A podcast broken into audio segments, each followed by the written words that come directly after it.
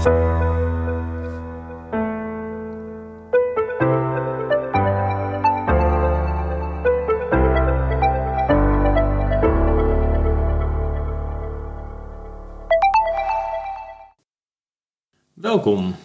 In deze podcast bespreek ik 5 tips voor meer verbinding met je kinderen. En het mooie is, je kan gewoon op de bank blijven zitten.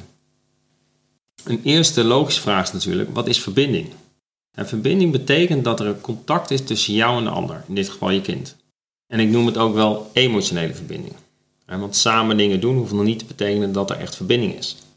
En dit zie je bijvoorbeeld terug in liefdesrelaties, waarbij mensen genoegen nemen met, met verbinding als in binding in plaats van echte liefde.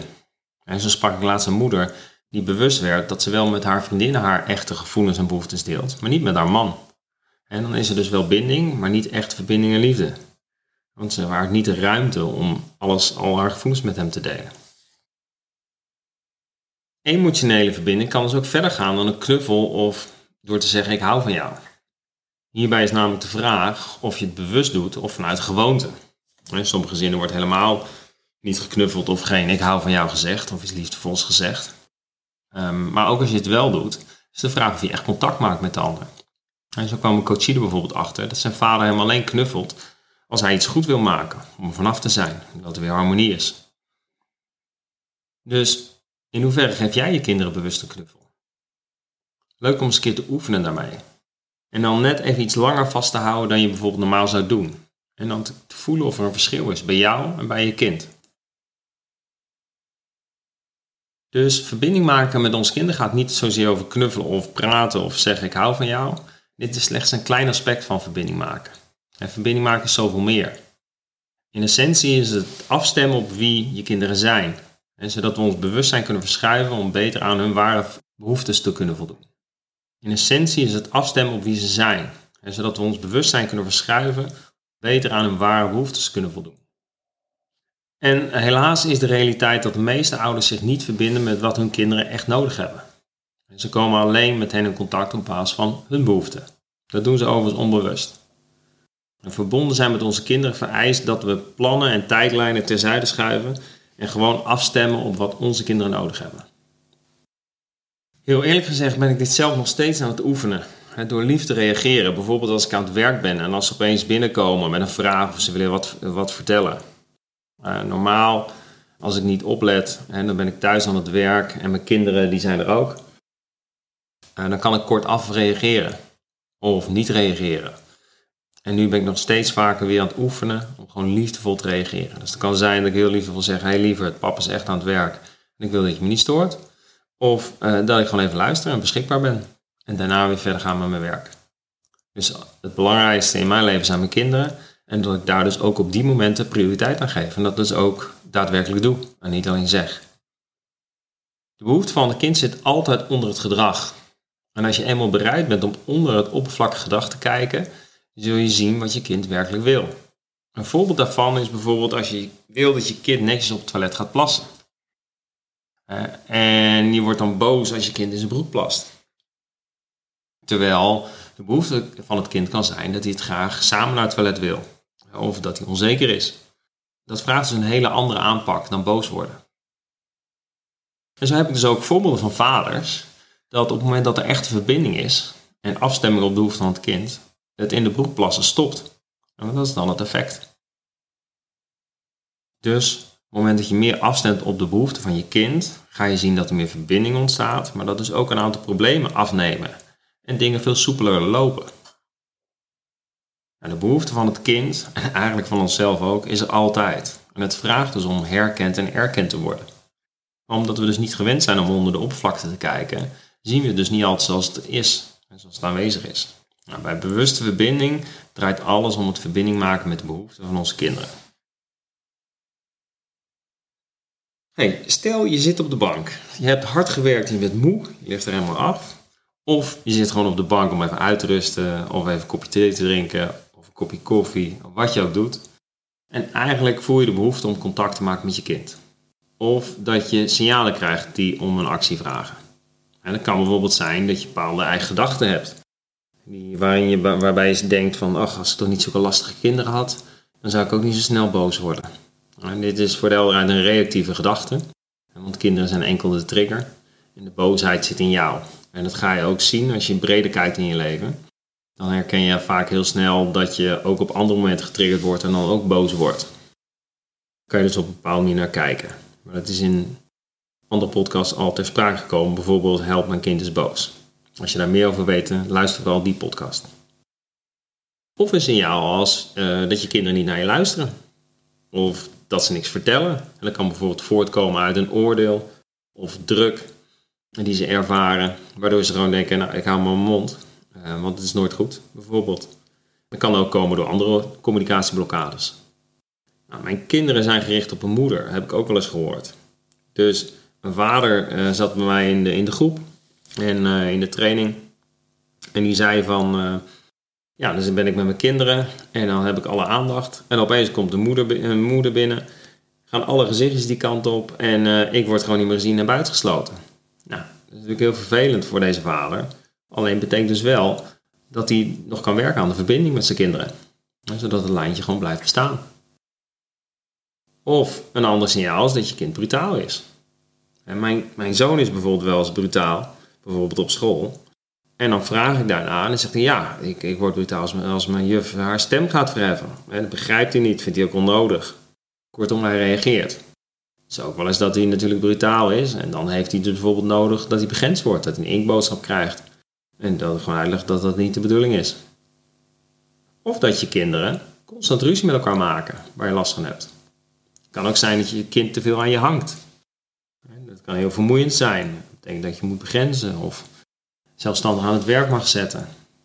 Dat je jezelf ook afvraagt, wat doe ik nou dat het kind aan me gaat hangen? In hoeverre wordt er bij jou een behoefte vervuld doordat je kind aan je hangt? Of er zijn andere aanleidingen. Nou, vanuit de behoefte om contact te maken of vanuit de signalen die je krijgt, heb ik vijf tips voor je. Die je heel makkelijk kan uitvoeren. Voor meer verbinding en ook rust in de opvoeding. En het mooie is, je hoeft er dus niet te bang vanaf te komen. Tip 1. Kom zelf tot rust. Er is zoveel focus op, maar ook er zijn heel veel dingen voor kinderen. Alleen het begint toch echt bij jezelf. Dit is ook de visie vanuit bewust vaderschap. En zo wilde ik bijvoorbeeld rust in huis. Alleen kwam ik erachter dat ik zelf altijd bezig was, altijd drukdoende. En dat is dus geen handig voorbeeldgedrag van mij. En is eigenlijk nog steeds een valkuil van mij. Uh, als ik wil dat bijvoorbeeld mijn kinderen wat rustiger aan gaan doen. Het is ook goed om te kijken, wat zet ik dan neer, wat laat ik zien. Nou, wat grappig is dat op het moment dat ik ziek ben of op de bank in slaap val, dan heb ik liefste kinderen van de hele wereld. En komen ze ook naar me toe, me knuffelen. Dus mijn uitnodiging aan jou is: pak eens een kop thee, haal tien keer adem, zet een lekker muziekje op, doe even je ogen dicht. Allemaal manieren om zelf even tot rust te komen. En denk ook aan de metafoor van het vliegtuig met de zuurstofmaskers. In geval van nood is dat eerst de ouder het mondkapje opzet en dan pas het kind. Nou, dat geldt in dit stuk precies hetzelfde. In plaats van te zeggen kom zelf tot rust, kan je het ook anders zeggen. En dat betekent maak eerst verbinding met jezelf voordat je verbinding maakt met je kind. Je kan dit doen door stil te staan bij wat jij voelt en ervaart. Heb je bijvoorbeeld nog storingen? Of heb je emoties ervaren vandaag? En welke heb je dan ervaren? En wellicht kom je erachter dat je toch meer zorgen maakt over je oom die in het ziekenhuis ligt dan dat je dacht. Of dat je al dagen achter de feiten aanloopt op je werk. Of dat het mislopen van de promotie op je werk toch meer met je doet dan je dacht. bewustwording kan ervoor zorgen dat je het niet onbewust gaat afreageren op je kind, waardoor de verbinding minder wordt. Nou, dit was tip 1. Kom zelf tot rust. Tip 2 is luister passief naar je kind. Thomas Gordon schrijft erover in zijn boek Luisteren naar je kinderen. En dat gaat er eigenlijk over dat je vanuit de manier van luisteren acceptatie toont. En dat doe je door te zwijgen of door de deur open te zetten richting je kind. En dus je kind vertelt wat en in plaats van dat je vragen te stellen, reageer je alleen maar met juist, ja, oh, hummen, stel je voor, dat klinkt interessant, vertel. En dat is allemaal openingen om te geven zodat het kind meer gaat vertellen. En het mooie daarvan is dus dat je geen actie hoeft te ondernemen. Dus je hoeft niet in te grijpen, je hoeft ook niet van de bank te komen. En dus als je kind een probleem heeft, kan je dus passief luisteren. En daardoor gaat je kind meer vertellen en voelt je kind ook dat hij geaccepteerd wordt. Nou, hoe werkt dit? jij zit op de bank en je kind van drie is aan het spelen in de woonkamer en probeert een toren te bouwen. Alleen dit lukt niet. Nou, de valkuil van heel veel ouders is dat ze op een gegeven moment hun kind gaan helpen. En de kunst is juist om dus niet te bemoeien, niet in te grijpen, niet te controleren, eigenlijk vanuit een eigen gevoel van onzekerheid en bezorgdheid. En het zorgt ervoor is dat je kind dus, je kan dus je kind passief luisteren, zodat je kind zelf gaat ontdekken. Of je kan ondertitelen, dat je kan benoemen wat er gebeurt, zodat het kind ook bewust wordt en dat je op die manier je kind helpt. Een van de mooie effecten van passief luisteren is dat je veel meer te horen krijgt en veel meer komt te weten van je kind. Dan heb ik een vader gehad en die kwam er bijvoorbeeld achter dat hij met zijn zoontje van uh, twee, uh, dat hij als zijn zoontje wat vertelde, hij altijd vragen ging stellen samen met zijn partner. En daardoor ontstond altijd gesprek. Maar nu door passief te luisteren, uh, ging het kind eigenlijk veel meer vertellen, maar ook vanuit zijn eigen belevingswereld. Dus hij leerde zijn kind veel beter kennen dan dat hij had gedaan door geïnteresseerde vragen te stellen. Dus de intentie is goed, alleen had dus ook een ander effect. Nou, heel waardevol. Dit is ook wat ik terugzie als ouders aan de slag gaan met passief luisteren. Eigen voorbeeld heb ik dat mijn zoon mij met heel veel emotie belde. En dat hij eigenlijk heel boos was omdat hij gehackt was op zijn computer. De computer was vastgelopen en hij was aan zijn account kwijt en er was van alles aan de hand. En mijn eerste reactie was dat ik hem wilde geruststellen. Alleen ik merkte al dat het niet werkte. En toen ben ik passief gaan luisteren. En eigenlijk gewoon hem uitgenodigd om te gaan vertellen. Ik heb wat gehumd. En toen kwam hij eigenlijk zelf ook tot de conclusie, die ik natuurlijk in het begin direct had mee willen geven. Uh, dat hij zei van ja pap, ik, ik heb echt geleerd om nooit meer mijn wachtwoord uh, weg te geven. En dat is iets wat ik hem heel graag wilde adviseren. Maar uiteindelijk door passief te luisteren kwam hij zelf tot de conclusie. Dus passief luisteren doe je dus door de deur open te zetten, je kind uit te nodigen om meer te vertellen. En door te zeggen bijvoorbeeld vertel het me maar. Of ik wil er best wel wat meer over horen. Ik ben benieuwd wat je ervan vindt. Of wil je erover praten? Vertel maar op, ik luister. Of ik krijg de indruk dat je er wel meer over wil vertellen. Klopt dat?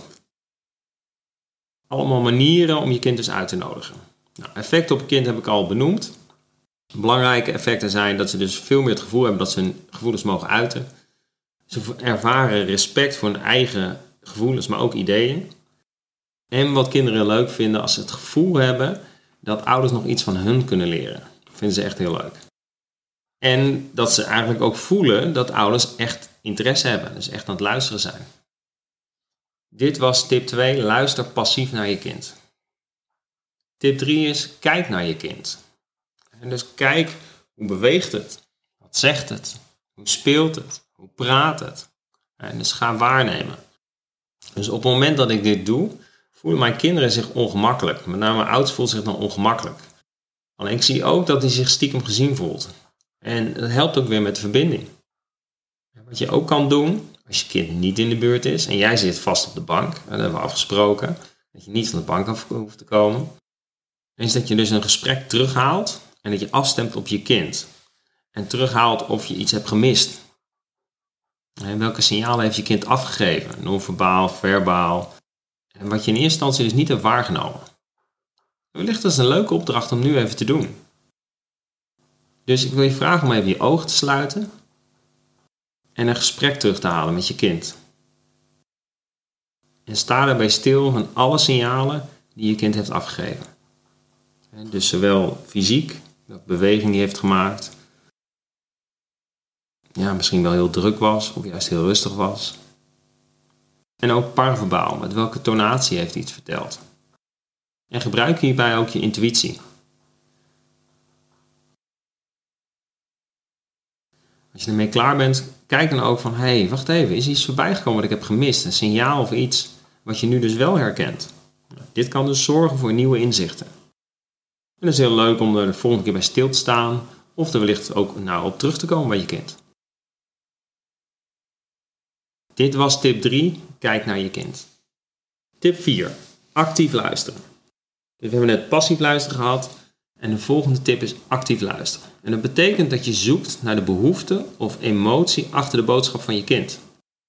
Dus, een voorbeeld, je dochter is verdrietig omdat ze niet is uitgenodigd voor het feestje van haar vriendinnetje. En in plaats van dat je haar gaat geruststellen, afleiden, bevragen, waarschuwen, evalueren, je mening gaat geven, adviseren, logische oplossingen aanbiedt of gaat analyseren, welke andere communicatieblokkade je ook inzet, kan je dan dus beter zeggen: hé, hey, je bent teleurgesteld hè, dat je niet bent uitgenodigd. En op die manier sta je dus stil bij de emotie die je kind ervaart. Dus zo hebben sommige ouders al echt direct succes gehad hè, door anders te gaan luisteren. Dus in plaats van tijdens het eten beleefdheden uit te wisselen, mag ik de groente of hoe was je dag, en hebben deze ouders dan voor gekozen. Dus op het moment dat hun kind bijvoorbeeld zei: hey, ik heb een hekel aan school. En zij gingen vanaf dat moment besloten dus om actief te gaan luisteren. Ontstond dus een twee uur lang gesprek. Waardoor ze meer te weten zijn gekomen over hun kind dan in de afgelopen twee jaar of drie jaar. Vooral voor ouders met kinderen in de puberteit kan het echt heel waardevol zijn om actief te gaan luisteren naar je kinderen. Nou, zo had ik zelf bijvoorbeeld ook gisteren mijn best gedaan met mijn uh, oudste zoon. Ik had een nieuwe jas voor hem gekocht. En uh, zijn reactie was, ja, het is niks pap. Hij is veel te klein. En ik zat te kijken en ik vond hem helemaal niet te klein. Vroeger had ik, had ik hem overtuigd of uh, had me wellicht wel afgewezen gevoeld. Hè? En uh, omdat ik dan zo mijn best had gedaan, ik vond een mooie jas en hij niet. En hij ja, doet, doet hem heel snel af als er helemaal niks is. Ging ik nu dus actief luisteren. En toen kwam ik ook eigenlijk heel snel achter dat hij eigenlijk heel verdrietig was. Door de quarantaine waar hij in zit. En niet zozeer dat de jas niet mooi was. Nou, daar zijn we dus ook later gewoon prima uitgekomen. Uh, om daar weer verder naar te kijken en een oplossing voor te vinden. Nou, dit was tip 4, actief luisteren. Tip 5. De laatste tip. Doe een storting op de emotionele bankrekening. Dat zorgt voor meer verbinding. En de emotionele bankrekening is een concept van Stephen Covey. Dus dat kan je ook overlezen in zijn boek uh, The Seven Habits. De zeven eigenschappen van effectief leiderschap. En daarin vertelt hij heel mooi dat een storting is, is dat je eigenlijk een proactieve actie doet waarin het vertrouwen toeneemt binnen de relatie. Want in elke relatie zit een emotionele bankrekening. En je kan dus ook reactief je opstellen en dan doe je dus acties die eigenlijk het vertrouwen doen afnemen. En dat is eigenlijk een opname. Je kan dus kijken hoe het staat bijvoorbeeld met de emotionele bankrekening ten aanzien van je kind. Wat is de balans nu? Dus op het moment dat ik heel veel werk, afspraken niet nakom, uh, niet beschikbaar ben voor kinderen, en dan heb ik een negatieve balans. Maar als ik heel veel aandacht, tijd beschikbaar ben enzovoort, kan ik een positieve balans hebben. Nou, aantal voorbeelden. Wat zijn nou veel voorkomende opnames? Ja, dat kan bijvoorbeeld zijn dat je de neiging hebt om je telefoon te checken als je tegen je kind praat. Of uh, gaat zeuren. Of schreeuwen tegen je kind. Of bekritiseren. Of negatief over hem praten met anderen. Andere ouders bijvoorbeeld. Ze onderbreken wanneer ze tegen je praten. Maar denk ook aan de twaalf communicatieblokkades. Uit een van mijn eerdere podcasts. Allemaal manieren waardoor je dus opnames doet. Aan de andere kant hebben we dus ook stortingen. En dan kan je de stortingen doen op de emotionele bankrekening met je kind. En dat betekent dus bijvoorbeeld dat je eerlijk bent, ook op het moment dat je het niet weet. Dus je gaat niet alweten een ouder spelen vanaf de bank. Je bent gewoon eerlijk dat jij het ook niet weet. Of dat je deelt wat je lastig of moeilijk vindt. Vanuit kwetsbaarheid. Afgestemd natuurlijk altijd op wat jouw kind aan kan. Maar zal ik laatst bijvoorbeeld dat, eh, ja, dat mijn middelste zoon zei: hey, Pap, eh, is er wat? Dus zei ik bijvoorbeeld dat ik het wel lastig vond om het werk en uh, hun aanwezigheid thuis tijdens de herfstvakantie, om dat goed op elkaar af te stemmen. Dus om er voor hun te zijn en ook mijn werk deadlines te halen. Nou, we hebben over gekletst, was echt heel fijn. Luister echt. Hè? Dus niet onderbreken of naar je telefoon kijken. Uh, echt luisteren, echt aanwezig zijn. Of begroet je kinderen als ze thuiskomen. Hè? Dus, oh lieve, wat fijn dat je er weer bent. Of benoem dat je blij bent dat ze in jouw leven zijn, zonder een specifieke aanleiding, zonder een prestatie die ze moeten doen. Of heel simpel, lach met ze. Kan ook een hele mooie storting zijn. Dit was de laatste tip en dus doe een storting op de emotionele bankrekening. Dit waren de vijf tips voor meer verbinding met je kinderen, zodat er meer rust komt in de opvoeding en dingen soepeler lopen. Afsluitend weer een opdracht. En eigenlijk is hij vrij simpel dit keer. Uh, want wat mij betreft ga je aan de slag met de vijf tips en ga je daarmee oefenen. Ik ben natuurlijk heel benieuwd hoe het gaat, of het voor je werkt en of je nieuwe inzichten opdoet, maar met name dus ook of je meer verbinding ervaart met je kind. Laat het me weten. Ik vind het leuk om van je te horen. En ik wens je een hele fijne dag.